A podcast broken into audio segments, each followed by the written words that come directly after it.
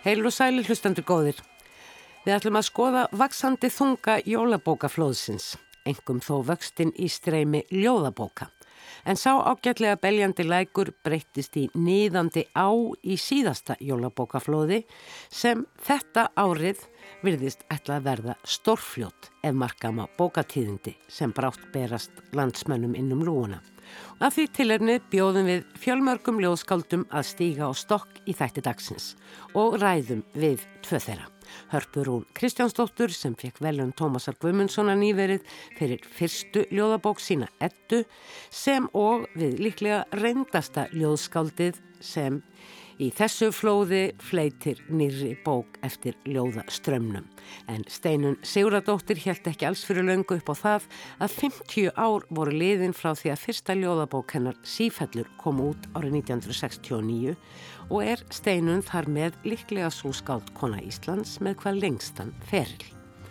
Þá er Steinun handhafi viðurkenningar Jónasar Hallgrímssonar og gegnir nú stöðu kennara í ritlist, merkri, skáldinu Ástsæla og helt aukin heldur ekki alls fyrir löngu árlegan fyrirlestur Jónasar Hallgrímssonar. Steinun hlýtur því að teljast engar viðegandi gestur þáttarins orðum bækur á fæðingadegi Jónasar Hallgrímssonar degi íslenskrar tungu til hamingu með daginn.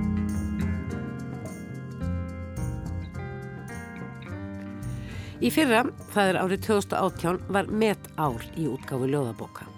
Á þessu ári hefur svo enn bætt í.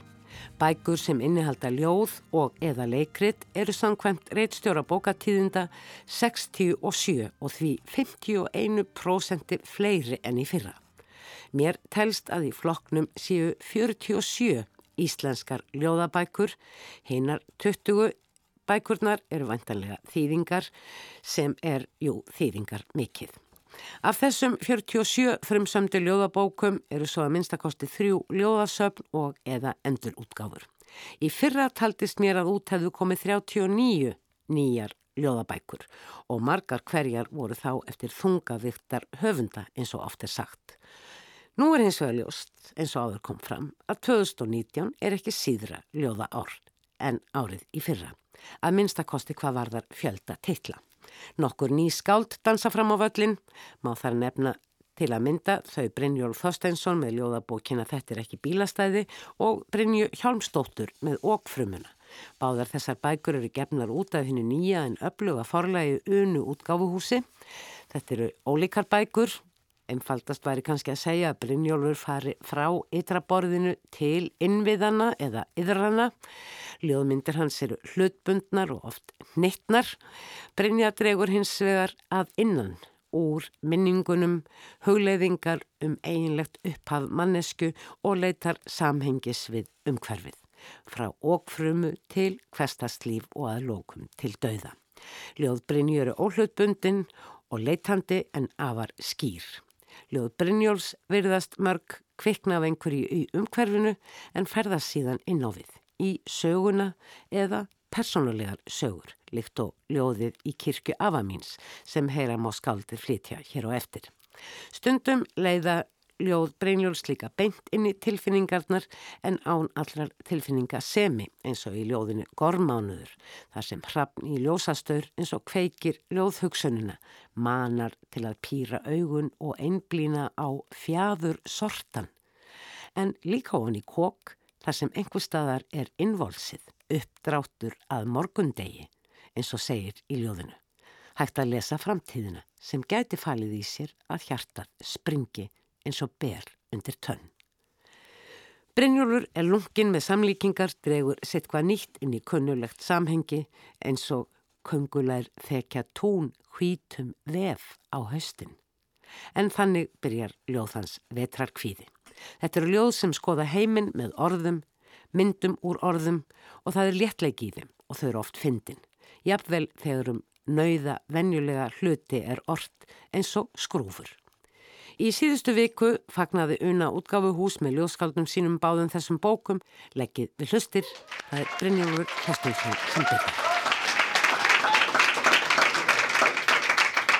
Komið í sæl og verið velkomin í ferminguna mína. Ég heiti Brynjólfur uh, og það er rosa gaman að sjá okkur hérna svona mörg uh, og bestu þakki fyrir komuna í kirkju afa míns uh, og ég tilenga afa mínum ömmu það ljóð. Fiskiflugur fæðast í skítugum bortuskum við eldúsvaska þegar enginn sér til en þær deyja í kirkju afa míns. Undir 414 stjörnum máluðum á loftkvælinguna. Ég taldi þær sjálfur. En það er bannað að telja flugurnar sem falla frá. Rapa niður eins og guðsorð, svart á kvítu í glukkakistunum. Kórundu bref eða opinberunarbók sem amma riksuar á laugardugum. Næsta ljóð sem ég ætla að lesa heitir Við getum ekki öll verið berdreiminn. Á næturnar dreymir grílukertin fætur, moldardans og rótarkerfi sígrætna trjáa um gras sem tegir sig upp, ekki niður, upp, eins og hönd þess sem veit svarið. En nú er dagur. Gluggakistan er líknardeild fyrir potaplöntur. Í nótt dreymdi mig hrafnasveimandi yfir mér. Í gardinum er jarðarför, smáfuglar flytja minni fallina félaga.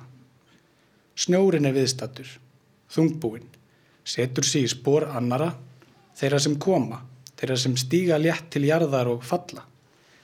Ég finn það í nýjanu að bílinn minn bilar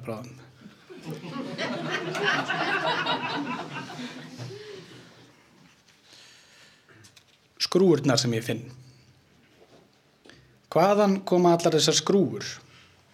Á botni klósettskálarinnar, á eldúsborðinu, í bílastæði ofinbera stopnunar. Skrúur eins og kirkjuturnar á Svefnarbyrgiskólfinu. Skrúur sem stingast í iljar við riðsmál, í baðherbyrgiskápum og hanskahúlfum, í þakrennum og kaffibóllum. Hvaðan koma þeir eiginlega, skrúurnar sem ég finn? Ég veit það ekki, en eitthvað er að detta í sundur.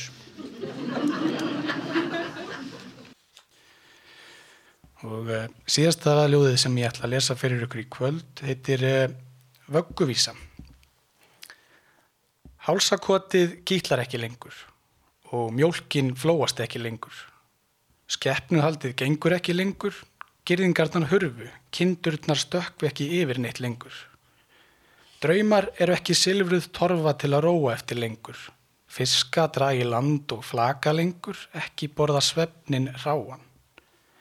Máar hengur himninum áður. Óróin spilaði skrítið lag, ekki lengur. Sjáurðu máflosn úr festingunni og rapa ofan í vögguna, sjáurðu máarrap. Skaltu loka augunum og óskaðir. Þetta er ekki bílastæði lengur. Þetta er ekki bílastæði lengur. Takk fyrir mig.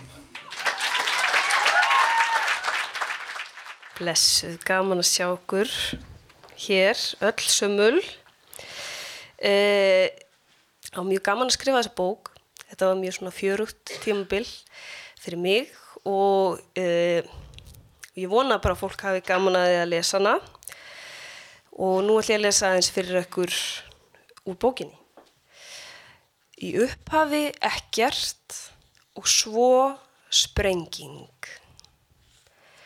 Ein pluss ein, sama sem ein. Svo verður ein, tvær, tvær, fjórar, fjórar, átta, átta, sextjófjórar, sextjófjórar, fjögur, þúsund, nítjó, sex, fjögur, þúsund, nítjó, sex, sextán miljónir, sjöhundruð, sjötjó, sjö þúsund, tvö hundruð og sextán. Hrannast upp, yðandi eins og maðkar. Þegar barnið kemur út úr kviðnum halda frumurnar áfram að hrannast upp. Hætta því aldrei það þarf stöðugt að endur nýja. Æfi húðfrumu er 20 til 50 dagar. Eftir 20 til 50 daga deyr hún og verður að reiki sem enginn losnar við sama hvað, það er þurkað oft af mynd af barni sem lifir að eilífu, skorðað í ramman á náttborðinu hennar mömmu. Pappi les ævintýri fyrir litlu rófuna. Einu sinni var gráman í garðshortni. Gráman læst vera kjöt og bein. Gráman er kjöt og bein í póka. Bröðótti, bröðótti gráman, býjar gröyti rúmið, rænir rekkjuvóðunum af kongi og drottningu, rænir svo kongi og drottningu, breytir þeim í kjöt og bein í póka, konga, kjöt og bein í soðið, handa karli og kerlingu í koti sínu. Barnalegar martraðir koma og fara. Grænar garslöngur hlykkjast um vökina í bílakjallarnum og barnið veit að niður í vökinni býr hættuleg skeppna. Risavaksinn mannætu önd. Í rigningunni er malbyggið glitrandi hreistur. Þess vegna veitir því engin aðtegli þegar gríðar stór svört slanga skrýður upp úr hafinu og ringar sig utanum flúvöllin í skerjafyrði. Engin sér hana nema barnið. Grunn lausir bílar keira viðstuðlaustin í eitrað genið. Um nætur óskar slangan þess að hún veri stúlka með fætur í gulum stígvilum sem horfir á flugvilarnar sofa, nýtir fingurna fasta í výragerðinguna, hefur sig á loft. Ég þarf að segja þér svo litið, kvíslar pappi, einhver dó. Svo dó afi, svo dó amma, svo dó stelpa í bekknum og amma og veikustrákanir og afi og agnar, agnar, agnar smátt skildmenni sem fjekk valla að prófa að vera manneski áður en það var stjarn á himninum og hann og hún og þessi þarna. Trúur þú á Guð spyr frænka. Hún veit ekki svarið en segir já, ákveður að fermast því hún vill komast að því hvort hún geti byggt kransaköku sem nær alla leiðu til himnaríkis svo Guð geti sleikt plaststittuna af hvítu fermingastúlkunni með hanskana sem trónir á toppnum. Að vera sleikt af Guði er sönunargagn.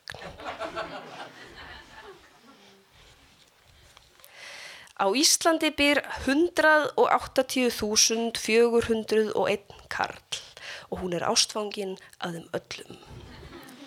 Segir við hvern og einn, ástin mín, ef þú nærðir í mjúkan púða, máttu sofa á mér, annars getur þú meittið á harðbrjóstinu mínu. Ég vil bara vera góð, ég harma þegar hrammur minn hremmir þig og mér.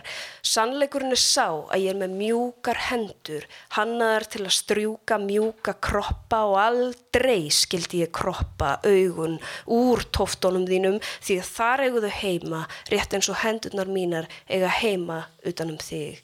Þú ert beinagrindin sem heldur uppi þessu slímu að farsi, þú ert görnin sem mótar mig í listu að pilsu. Án þín væri ég ekkert nema kjöt og bein í póka. Fullvaksta martraðir koma og fara hvergi. Húkir á bekk við tjarnabakkan eins og gamalt óhræsi. Feitlægin smákrakki, flegir bröðmólum í endurnar, passaðu Passaðu þig, pískrar hún. Geti ég þið öndin. Elskar að kjamsa á ljótum börnum eins og þér. Fer ring eftir ring í strætó. Vagn nummer eitthvað pluss vagn nummer eitthvað sama sem eitthvað annað.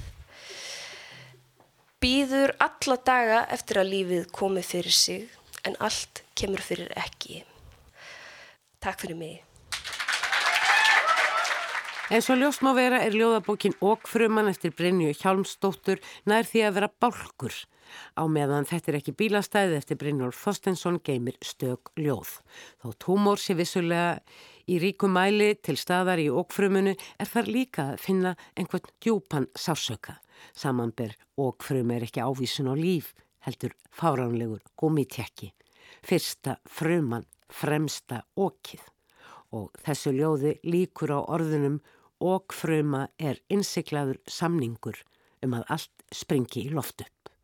Og svo er það gráman sem sveimar um í ljóðheimi og frumunar og ég hef enn ekki gert upp við mig hver er.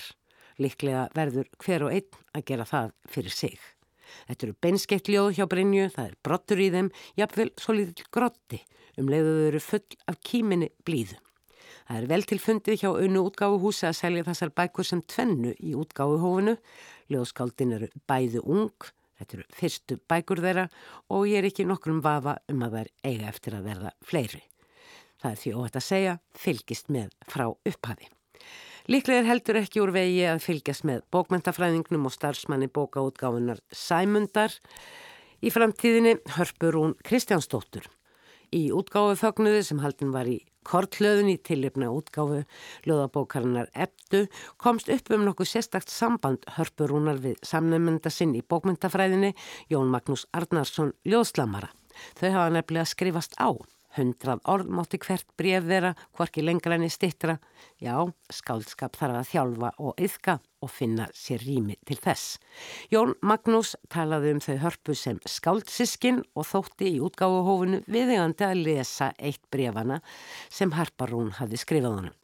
Heyrum brotur því áðurum við, heyrum svo hörpurún flytja nokkur ljóða sinna og við ræðum síðan við hana um þetta kortvekja ljóðin og brefið sem hún skrifaði Jónu Magnúsi og hann las upp í kortluðinni. Sannleikurinn er sá ég smeg við þetta. Smeg við hvað? Smeg við auða bladið, auða bladið sem hefur beðið eftir mér öll þessi ár. Ég var bara lítill ángið þegar ég mann fyrst eftir mér að skrifa. Fylla línurnar í bleikir í bánsabók með velliktandi blaðsýðum af línurits línum því ég kunninga stafi. Svo lærði ég stafina og fór að skrifa hugleðingar með punktamillu orða í stað bila til að spara plássið. Skiptist samt stundum yfir í línunar aftur, það var fljótur að fröðu hug flæðið. Skipt með aðra, ég vissi hvað ég meinti. Og draumurinn var alltaf þarna. Hann dó aldrei. Alltaf að skrifa. Dagbækur.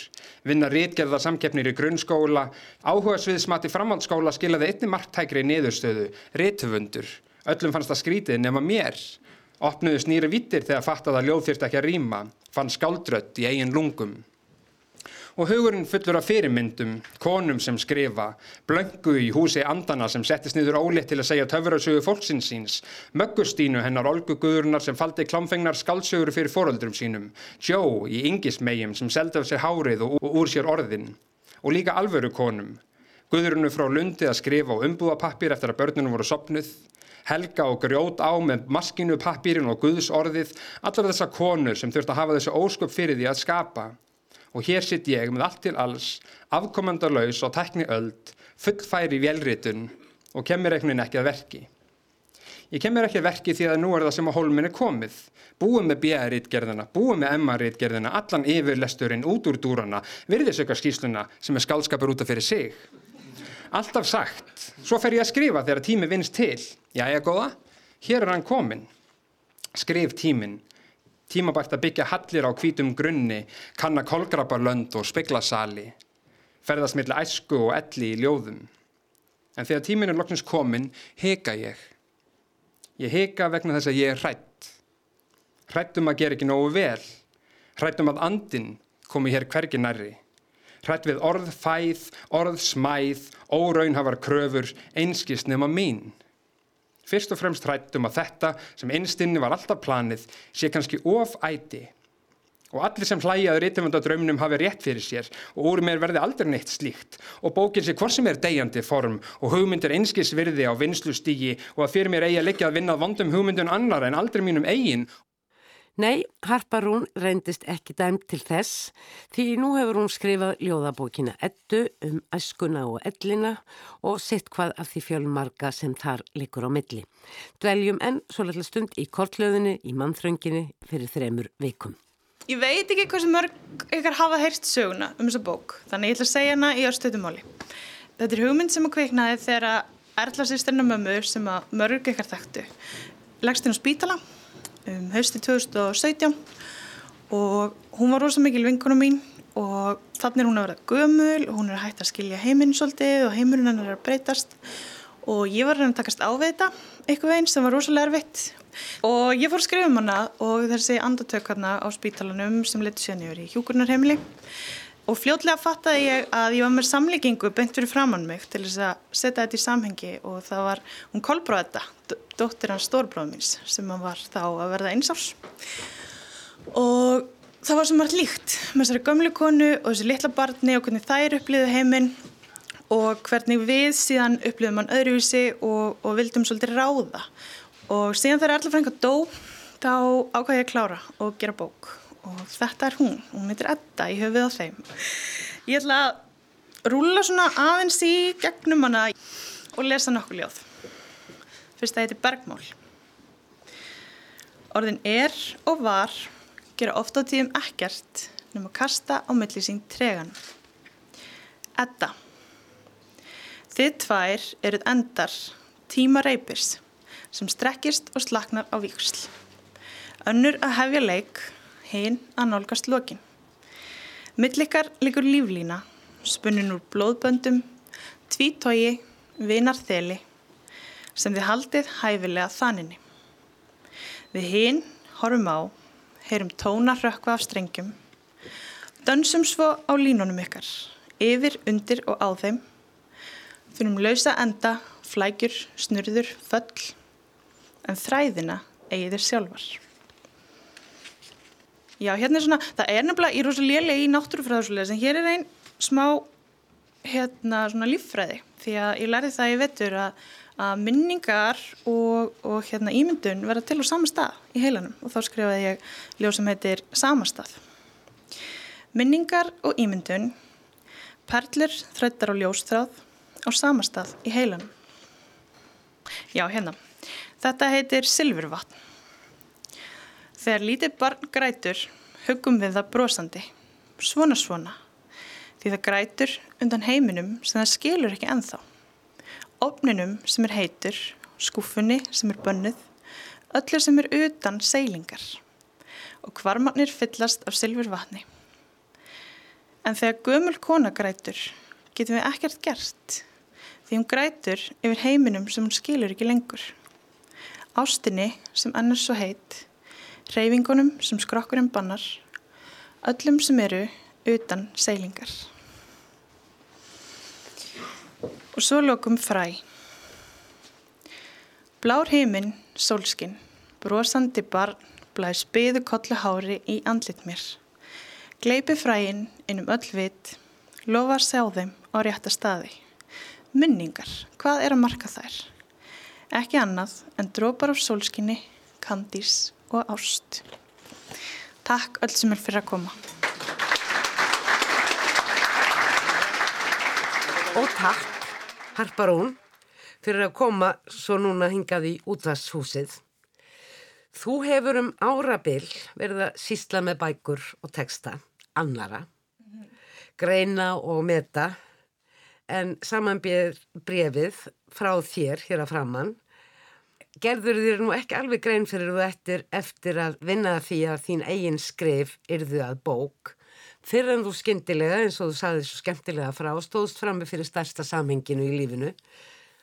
Lífi og dauða, upphafi og enda. Og ég hygg nú að margir kannist við þessa lýsingu þína. En takist samt kannski ekki að grýpa tækifærið þegar það gefst. Hvernig fangar maður ljóðhugsun? Já, sko, ég fór að skoða eins gamla stílabækur þar sem á svona fyrstu draugin að ettu eru og þar hef ég eitthvað tíma að skrifa ljóð sem að er afskaplega dramatist og, og fjallar um svona nú sé önnur þeirra dáin og hinn þeirra flytt upp í sveit og ég skrifa nú veit ég hvað ég þarf að gera. Og ég held að þar á þessum tímapunkti hafi ég eitthvað einn ómeðvita ákveðið að þetta er því bók, þetta konsept og, og hérna. En ég á sko miklu auðveldara með að fanga erfiðar hluti í ljóðum. Ég held að þess vegna hef ég byrjað að skrifa um svona stórt efni. Þú ert alin upp í, í textum, í ljóðum og það er stutt í svona heið þjóðlega, heið alþýðlega og rætur og tengsl í þessari bók allavegana.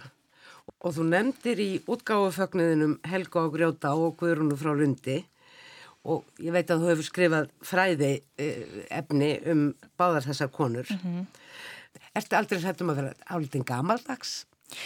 Sko, það, eitt það allra besta sem að Tómasar domnefndin sagði við mig, eða Börgur, hann sagði við vorum alveg vissum að þetta væri eldgömul kettling og hún djöfell ána með okkur og svo reyndistu bara ekki vera honum þrítug. Þannig að ég myndi segja að það, já, að ég sé gömul kettling en bara eitthvað mesta rós sem að ég gæti fengið. Þetta er merkilegt að heyra þig mæla orðið kettling svona fagnandi vegna þess að þetta verðist vera uh, nútímalegasta akkurat núna. Ég held kannski að við séum svona hvernig baráttan er kannski bara svona komin á það stig að við þurfum ekki lengur að tala upp hlutina heldur getum við bara að fara að viðurkenna þá ég meni ég þekki svo mikið að frábærum um mitt kertlingum, gamlega kertlingum og þær eru bara þær sem hafa kent mér kannski mest mm. Af, af þeim sem ég þekki og þetta gamlega kalla líka, það má ekki glemja þeim En svona frekari áhrifaveldar Nú varstu jú í bókmyndafræði og mm -hmm. last mikið. Já, ég lærði að lesa óbundin ljóði í bókmyndafræðinni. Ég var ekkit byrjuð á því fyrir sko bara í mestaranáminni hjá Begga Kristjáns sem kendi mér rosa mikið að, að bara svona ljóð þurfi ekki að rýma og ég var rosa först í því, svona á mínu uppeldi. Já. En hérna, en svo einmitt eins og þú segir er ég alveg upp í textum og, og við vorum alltaf að setja saman vísur og það var mikið orft í kringum mig þó að það hafði ekki komið út Þetta er rosalega bóka heimili, held ég að hafi haft mikil áhrif. Nú er þetta ljóðabók og, uh, og eins og ég sagði áðan þá ertu mikið að sísla með uh, texta. Lítur þau núna, þú ert velunaskáld, lítur þau á því sem ljóðskáld? Ertu að yrkja? Já, já, já, ég er alltaf að yrkja. Um, það að vera verðlunaskáld hefur ekki breytt í hvernig ég lít á mig en, en ég finna alveg að það hefur breytt í hvernig aðri lít á mig sem er bara skemmtilegt sko. Mm. En hérna, já, ég hef bara alltaf ætlað að skrifa og ég hef alveg bælt þá og ég víti til hliðar eins og kannski kemur fram svolítið í brefinu sem að Jón las en þetta hefur alltaf verið planið í rauninni mm. að skrifa og ég ætlaði að byrja bara strax þetta B-próf svo fór ég óvart einlega inn í emmanámi þannig að þetta frestaði svona og þess vegna verið þessi bók til annars hefði verið komin sennilega skaldsa eða eitthvað svo leiðis Mm. fyrr Þannig að þú ert með ímislegt í handarraðanum. Já, já, ég er það Hérna. og ég held að það sé ekki hægt að vera svona mikið í textum og annar manna textum en öðruvís en að eitthvað einn fara að skrifa sjálfur og grípa svona til dæmis allir upplestratnir sem að ég hef farið á og skipulagt og svona það kemur ofta eitthvað svona bara ein setning eða eitt orð sem að kveikir eitthvað Þú ert ekki mikið í að leita heimilda eða þú með þetta svolítið allt í haustnum. Sko fyrir þessa bók, svo til dæmis eins og Þingvallabókin, ljóðabókin sem ég skrifaði þar á undan sem er ljósmyndabók líka mm. það Og þú auðvitað svona- skrifaði svona litla ljósteksta við myndirnar, ekki Já, satt? jú, ég skrifaði sko einhverja 60 texta, ég held að sé ekki nema 25 í henni. Og það var bara svona mjög markvist heimildavinna þá bara pikkaði ég út hvað mér fannst að þyrst að koma fram og, og skrifaði þessu ljóð um reynda að kveikja ljóð. Þannig að þú sko það var allt, allt önnur vinna. Mm. og þar á undan gerði ég líka svona þema ljósmyndabók með ljóðum sem heitir On the Road in Iceland með Greti Guðjóns. Og, og það var líka svona bara nú er ég að skrifa um vegi og alltaf að leta því Þannig að það var ákveðin rammi. Já, Þú finnst gott að hafa ramma. Hér býrðu þið líka til ákveðin ramma. já Eða hann verður til. Hann var reyndar til eftir á því að hérna, uppröðunin kom svo eftir á og þetta með að brjóta upp með litli ljóðunum og svona, það var ekki með þetta og upphásljóðið til dæmis bergmál, það átt aldrei að vera í þessari bók, endilega. Svo bara svona hendi ég inn í handritið og, og það var einlega Fríða Ísberg sem að las yfir á rittstýrið hjá mér sem að pikkaði það svolítið út og, og þar með komu þessi litli uppbrótsljóð þessu tilfelli kom rammin eftir á þó að þemað væri þetta til staðar. Skriftirnar og síðan samsetningin, uppsetningin, þetta er svona sett gott sköpunarferlið. Í, já, í þessu tilfelli var það þannig. Þá, þá raðaði ég eftir á og, og svona þegar ég var komið með að mér fannst handrit þá sett ég upp og þá fór ég svona að sjá hvað mér finnist vanta og hvað væri þetta að breyta og bæta og þessa bók var nýð þannig. Hvað varstu lengi að skrifa þetta? Hefur einhverja hugmynd um það? Sko, ár, tvö? Grifferðlið í sjálfu sér var ekkit uh, rosalega langt. Ég, ég vinn svolítið þannig að ég bara svona sapna hugmyndum og svo sérst ég að skrifa. Ég kannski skrifa eitthvað svona stikkorð. Uh, ég man til dæmis bara bergmál þar skrifaði ég sko orðin, bil og bil gera ekkert nema þetta. Og svo fann ég þau orðlengu setna, hvaða orð var ég besta. Stundin ger ég þetta svona og stundum bara svona rekst ég á orð eða líkingu eða eitthvað svona sem ég langar að búa til og bara svona punktaði hjá mér en svo sest ég niður og vinn og hérna, það voru samt fyrir þessa bók kannski svona tíu skipti sem ég fór í eitthvað svona markvisa vinnu við það kom, Skoða þetta, endur skrifa já, fletta já.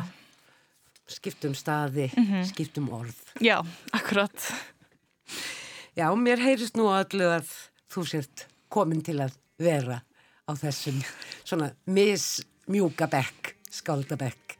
Harparún Kristjánsdóttir til hamingi með öllu og takk fyrir. Takk sem leiðis. Gerður Kristni hjælt fágætt útgáfuhóf í tilefnað útgáfu áttundu ljóðabókar sinnar heimskaut, stuttur og margræður titill eins og svo oft hjá Gerði sem fyrir lungu hefur tryggt sér sæti í fremsturöð íslenskra ljóðskalda. Gerður hefur þó sérstöðu. Ég man að minnstakosti ekki fljótubræði eftir öðru skáldi sem hefur notað ljóðið, ljóðabókina, bálkin til að segja sögu bynlinis. Ákveðna sögu, heila með upphafi og enda, samanber blóðhópni, drápu og sálumessu. En Gerður hefur líka eins og flest skáld gefið út bækur með stökum ljóðum, personulegum ljóðum. Heimskaut er slík bók. Hér er orðstum ástíðir, þrána eftir ljósinu, hér er orðstum ferðalög, en ljóðið hefur borið gerði víða um heiminn, meðal annars til Indlands, Bredlands, til eigarinnar fóru.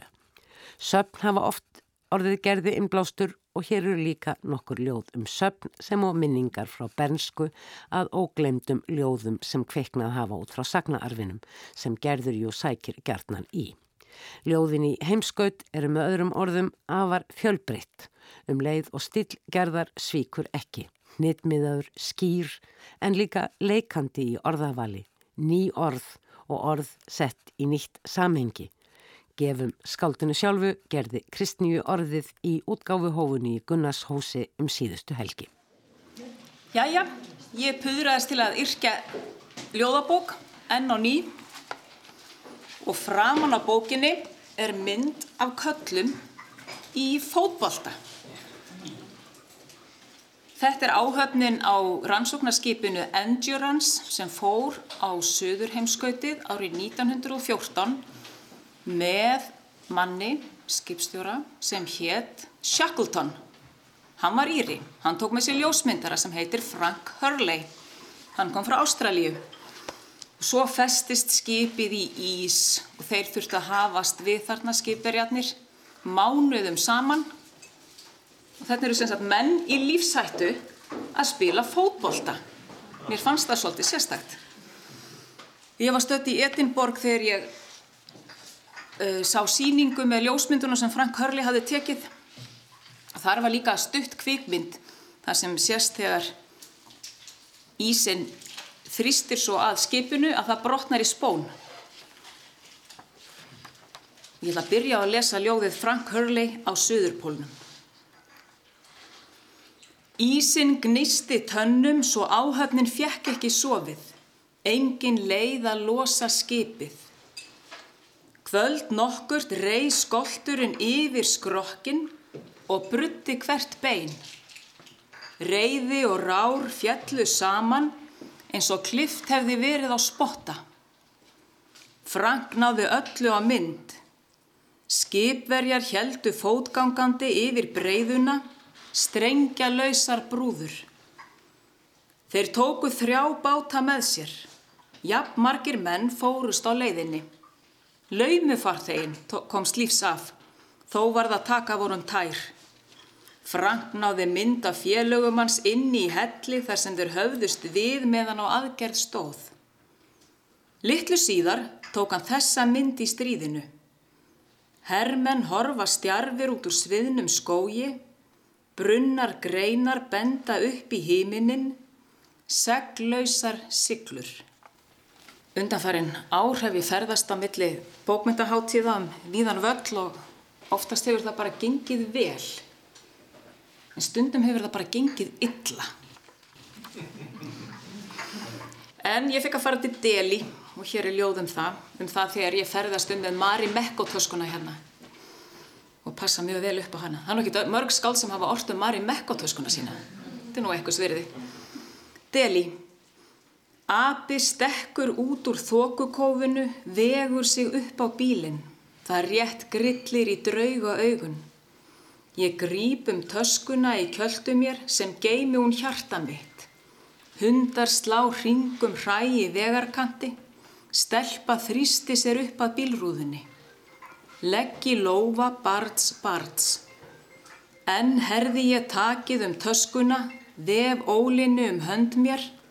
Þessu landi læt ég eftir af stífðan útlim. Hann finnst þegar þokunni léttir, heldur þjætt um tösku tauminn og vegna þess að við erum stödd hérna í Gunnarshúsi, húsi Rítvöndarsambandsins, þá er hérna mynda þóstinni frá Hamri á vegg og ég og einmitt ljóðum hann. Skáld. Úðinn sest á gróður í görðum, hljóð býða húsin í náttleysunni. Hraðar sér fyrir hornið, vöku maður í víðum kubli svörtum síðum, bróðir minn, en treðurðu slóðan, Fótur minn þræðir spórðín. Að lokum ætla ég að lesa ljóð sem hanga svolítið saman. Það heitir Nöfnur og fjallar um allskins Gretur. Fyrst er það hún Greta Garbo, svo er það hún Greta, sístur hans Hans, Hans og Greta. Aldrei nefndan bróð, bróðurins. Og svo er það síðast Birgisdóttir sem var umfjöllunar efnið í bálknum Drápu, hún Greta Birgisdóttir sem eh, er sannsögulegur mólbálkur um, um það þegar hún var drefin árið 1988 á Klapparstignum. Nöfnur Garbó Í grætni lautu trén í hálf ring um bleikan stein. Þar kvílir hún, alein eins og allir hinnir. Sistirinn hendi heimilistörfa meðan bróðurinn fekk að borða. Rétt lítur upp úr tiltæktinni og ítir nortnin í opnin. Beinið sem bróðurinn stakk út á milli rimlanna rifur henni sjálfri.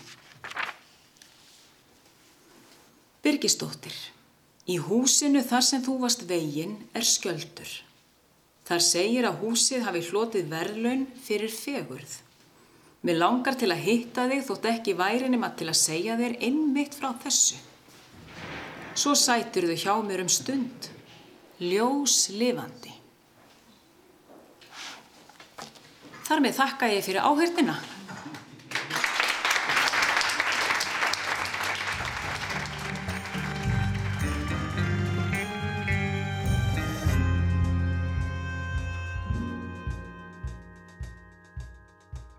Steinun Sigurðardóttir hefur sannlega ekki setið auðum ljóða höndum síðustu árin. Þegar hún loks fór aftur af stað eftir nýju ára hlýje í hittið, hittið fyrra, eða árið 2016, þegar hún sendi frá sig ljóðabókina af ljóði Ertu komin. Það sem gata lesa allmörg ljóð um siglingar og skip, um dauðan sem rýfur öll tengsl og um tengslinn sem þjættast gliðna þó stundum en eru þó alltaf til staðar. Tveimur árum síðar eða í fyrra kom svo önnur ljóðabók að ljóði myndu verða þar sem þótti hveða við nýjan og personulegri tón. Gamalkunnug umfjöllunarefni eru vissulega til staðar í þessari bók eins og tíminn og dauðinn og ástinn auðvitað en kannski fyrst og fremst ringrásinn. Það er hort tilbaka og fram leiðina, lífsleiðina, mannana og heimsins. Nú er komin ný ljóðabók eftir steinunni sem kannski má segja sé svo litil endaloka bók. Þetta er óður til jökulsins steinun. Til þeirra. Því jökullin er ekki einn, hann er margir. eins og segir í upphafsljóðu bálksins sagnir frá vatna jökla sveitum. En um leiður þetta trega ljóð, harmljóð heimsins Hvað ætlaður að skrifa þegar þú settist niður steinin Siguradóttir? Já, það er nú það. Því að þetta er líka, þegar jökullin eru þarna svolítið á, á tveggjamanna tali í bland. Já, já, þetta er ná ekki fyrsta skipti sem ég ávarpa jökul, það er frá 79 ljóð eftir mig sem heitir Snæfellsjökull gengur á land, þannig að þetta er eitthvað mjög rótgróið í mér, en uh, sko þetta er náttúrulega, ég er að tala um einn jökul í rauninni, vatnajökul, af vísu er vatnajökul, margir jöklar, en það er svo önnu saga. En máli var það að ég settist alls ekki niður til að skrifa þessa bók. Elstu ljóðin í bókinni eru, ég gíska nú bara á, sko, já, sjö til, ára, Þannig að þessi bók hún var svakalega lengi að, eh, að, fá, að finna sér form. Og um, þú spyr hvað ég ætla með þeirri settist niður en þetta veit maður ekki. Uh, nákvæmlega uh, og ég vissi ekki eins og fyrir en fyrir kannski einhverjum svona fjórum árum að þetta yrði eitthvað í líkingu við þessa bók. Mm.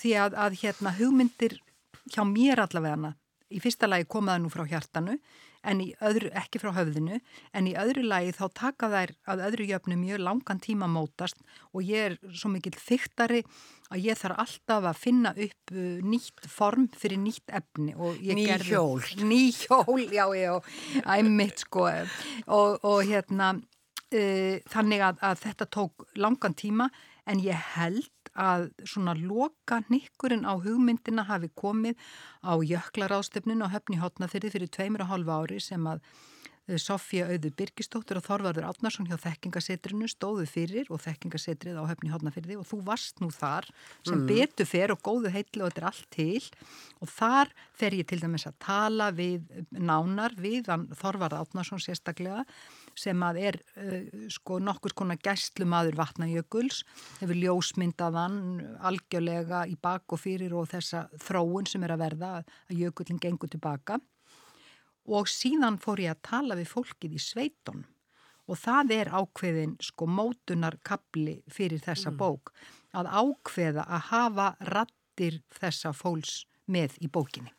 Rattir frá vatnajökla sveitum, eins og það heitir. Já og þá verður þið vantanlega fljótlega ljóst að þú getur ekki útilokað sjálfan þig úr þessum hópi. Því að við göngum í rauninni með stelpunni steinunni inn í þessa sögu inn í þessa þróun sem er eiga sér stað. Og þar í upphafi göngum við með stelpunni þegar hún kemur í vatnajökla sveitina og hvernig hún upplifir hana og uh, lærir á eilífðina, jökulinn. Sveitin kendi þér sem sagt snemma að það er eitthvað til sem heitir eilífð, sami lækur sömu steinar í ljóðinu Pappasveit með jökli. Sko mín sveit er sem sagt fljótskverfi sem er náttúrulega vestan við vatnajökul bærin er svona mitt á milli nústaðar og kirkjubæðaklustus, bærinas pappa þar sem ég var þegar ég var lítil og átti þessar stundir ein með jöklinum þegar ég var að reka belliðnar. Hann sést semst ekki frá bænum en þegar maður er búin að ganga nokkuð skrefniði fyrir hlýðanefið þá sést hann og auðvitað leiti ég á hann sem eilíðar tákn einhvers konar. Ég komst nú snemma til dæmis í heimsljós eftir Haldur Lagsnes og gæt lesið það af einhverju svona fyrðulegu hundavaði og það stendur í bókina að jökullin sé nokkus konar eilíðatákn og það hefði aldrei verið neitt meira óhugsandi þegar maður var lítill en að þessi jökull, hann myndi bara bráðna og líkast til ekkert verða eftir af honum, ekki svo laungu eftir að maður veri sjálfu döður. Mm og að horfa á jökulin núna. Þetta var þessi háa bunga og kveli sem ég lýsi. Og núna ég segi það nú ekki bókin þannig að líkast bara bilskur uh, séður frá mér þarna úr skaftafelsíslunni mm. en ég elska hann samt. Um, Ég var ekki komin langt inn í bókina að lesa þegar ég þurfti bara að leggja hana frá mér og, og segja Vá, framliðin fjöll til dæmis svona svo eitthvað sem nefnd Hvernig fæðist svona lýsing? Guð, ég veit það ekki. En má ég aðeins segja það að hérna, þetta með sjálfsæfisögulega þáttinn, þetta kom freka senkt og ég var mm. ógeðslega feimin við að gera þetta, að vera að tala um sjálfa mig fyrir að ég var lítil og eitthvað svona, að því ég geri þetta aldrei. Ég held að ég hafi aldrei gert þetta í neittni bók, alveg grínlaust. Mm. Og nú er þetta allt í hennu komið, svona þetta sjálfsæfisögulega ívaf og ég var svo feimið með þetta og svo fór ég með þetta til rittstjórans míns á heimilinu, Þorstens Hugsonar mannsins míns með tónskáld og hún er leist svona rosalega vel á þetta og sama sagði Sigriður Ökvaldadóttir eh, hérna Rökkvaldsdóttir eh, Rítsjónum minn á forlæginu. Mm. Þannig að þá þorði ég sem sagt að hafa þetta. Þetta var mjög þungt fyrir mig að fara allt inn að draga sjálf á mig svona fyrir minn dagsljósi. Ég held að þetta já. hafi verið mjög mikilvægt. Uh, með því gefur þau held ég öllum miklu meiri hlutdeild í þessum þangagangi. Já, já, sko ég held það að, að það er ekki hægt að tala bara einhvern veginn svona hlutlaust einhvern veginn um jökulinn og hans er bara eitthvað að fara, þá er það bara einhvers konar rítgerð, það er allavega ekki ljóð, mm. en hérna ég tók nú svo rækilaður orðið þegar óst að spyrjum hvernig mér ditti í hug með framleiðin fjöld, sko málið er það að ég er náttúrulega orðafrík og orðabókarfrík. Og ég sef mikið hjá til dæmis, hvað heitir hann, Sifus Blöndal, sem að getur auðvitað valdi ákunnum erfileikum á heimili. Stór og mikill. Já, hann er aldrei mikill og, og hérna, en, en sko orð hafa verið mitt líf og endi frá því ég var svo ótrúlega pínu lítil. Ég lærði svo fljótt að lesa og tala og, og ég er frá svona heimili þar sem að fólk var mjög, hérna, sagt, mjög svona verbal að það var mjög veltalandi fólk. Mamma kom úr Grímsnessunni og pappi úr Skaftafellsíslunni og þau töluðu bæði sitt sérstaka skemmtilega tungumál og þetta var náttúrulega mjög algengt á þessum tíma. Fólk hafði svo mikinn orðaforða og, og ég svona, finn kannski fyrir því að, að ég hef smá áhyggjur af orðafáttaktinni núna mm. En það að manni dett eitthvað í hugi kringum orð, þetta er bara svo laung, að ég veit ekki hvort ég að þjálfun. Það gerist bara svo ósjálfrátt. Já, laung þjálfun, já og nei, sko. Já. Veistu það, þegar þú spurðum um þetta með, með fjöllin og hvernig dattir þetta í hug, eitt af því skemmtilegasta sem mér hefur, hefur nokkuð tíma lendi í, það fyrir laungu síðan ég var að lesa fyrir krakka í Östubæðaskóla og það kom lítið stráku til minn og eftir og sagði, hvernig dettur þetta allt í hug? Og þú spurður eiginlega alveg eins og þetta var svo skemmtilegt. ekki löngu eftir að orðið framleiðin fjöll í mann og ekki í hvaða ljóði það var en það rakst ég á hróðgræðki Það er nýjir eftir sjálfum Já, þau eru nokkur í þessari bóka eins og yfirlega í þínum bókum og þú nú sjálf velt þessu fyrir þér á, á almennum grunni þessari nýjirða smíð ljóðskalda nýlega þegar þú helst þinn Jónasar Hallgrímssonar fyrirlestur ekki satt? Jú En hraðgræðki kemur fyrir ljóði sem heitir Sjónarsviftir og lok þessa ljóðs eru svo nöturleg og ég held að það hafi verið þarna sem váið datt út úr mér. Viltu lesa það ljóð fyrir mig? Eftir þennan fína, fína formóla verði að gera það. En má ég segja frá því aðeins bara því við erum að tala um nýjirði að ég er að kenna sem sagt reitlist í starfi Jónasar Hallgrímssonar í háskólanum og ég lagði svo mikla áherslu á orðin við nefnendu mína og fekk orðabóka sérfræðing mjög fljótlega til mín í, hérna, í tíma svo þau gætu lært á þetta allt þessi leindadóma á netinu og letu yrkja bæði kringum einhver tiltekið orð og svo skikkaði þau til að búa til einhvert orð og yrkja kringum það. En þetta er alveg ótrúleg hérna, stúdja hvað ljóskáltin okkar hafa verið bara ótrúlega virki því að búa sér til eigið ljóðmál og mjög oft nýjirði sem að tekur ekki eins og eftir að séu ný. Átti ég að lesa Sjónasviftir 1? Já. Sjónasviftir 1.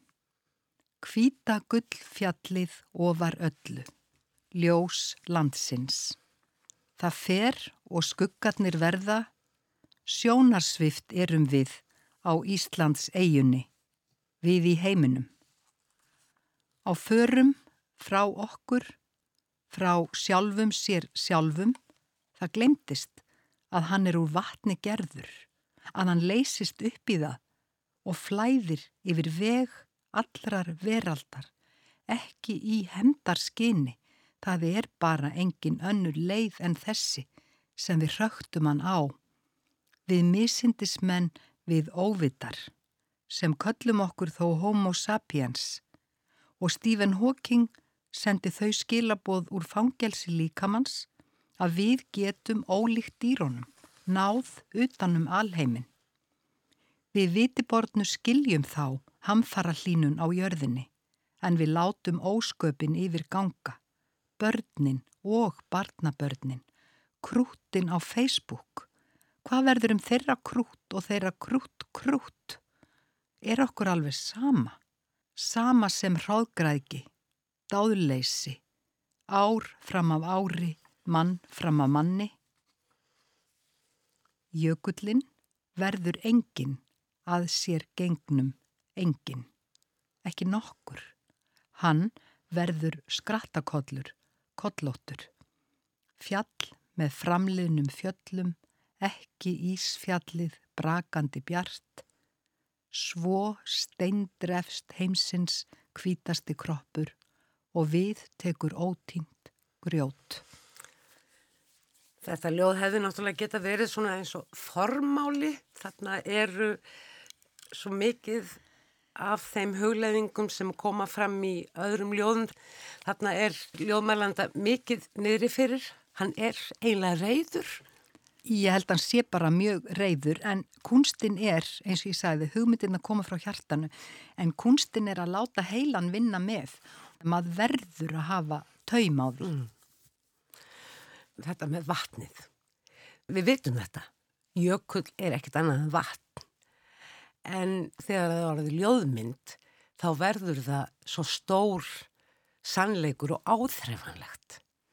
Það sem ég var að reyna að gera held ég með þessari bók, eða ég held það ekki, ég veit það núna, það var að reyna að gera hlutin áþreifanlegan. Ef þú talar um einn jökull þó að vatnajökull sé eins og ég saði margir jöklar. Ef þú talar um eitt fyrirbæri og hvernig það er að leysast upp og ef að það er minn hjartans jökull frá því að var lítil, þá kannski er einhver leið að einhver sjáu eitthvað sem hann sá ekki áður. Því ég held að þessi hamfara hlínun Hún er svo stór og loftslagsváinn, þetta er svo margþætt og mikið, það er dauði tegundana, súrnun, sjávar, bránun, jökla og heimskauta og himalægi og allt þetta. Við sjáum þetta ekki, mannshugurinn nær ekki utanum fyrirbærið, en ef þú tekur eitthvað eitt eins og þennan jökul og talar um örlög hans sem fléttast þá örlögum fólksins í sveitinu og mínum eigin og allt þetta, að þá kannski er einhvern veginn meiri von um að ná utanum þetta. Og svo veldur við líka fyrir þér hvað verði hreinlega um sjálfsmynd okkar Íslandinga í Íslausu landi. Það verður kannski ekki það sem er eftir í huga okkar eða þeirra sem að standa frammi fyrir því að takast á við afleðingar Íslaus Íslands í landi Íslaus einskis. Já, sko, býtu, var það nákvæmlega... Verðum ekki að fara að lifta okkur aðeins upp. Uh, þú mennar... Um, sko, ljóðilega séð. Ljóðilega séð, við getum gert það. En ég menna, jöklarnir eru svo stór hluti af okkar sjálfsmynd og landið okkar heiti náttúrulega Ísland. Þannig að uh, hvað verður eiginlega um okkur í jö, jöklalausu landi? Byrtan, hún breytist auðvitað og... og Öll ásýnd. Þess vegna heitir bókin jú Dimmumót sem er skaftfelska yfir ljósaskipt eða rökkur. Já, en vilt að, vilt, já, vilt að við liftum okkur upp og ég lá ég lesa dagdrauma leiðina. Lestu hana? Já, þá er ég sem sagt stelpa að, og þetta er sjálfsæfi sögulegt, þetta er stelpan að reka beljurnar í áttina jöklinum. Dagdrauma leiðin. Á gömlu leiðinni dreymdi mig drauma um dag.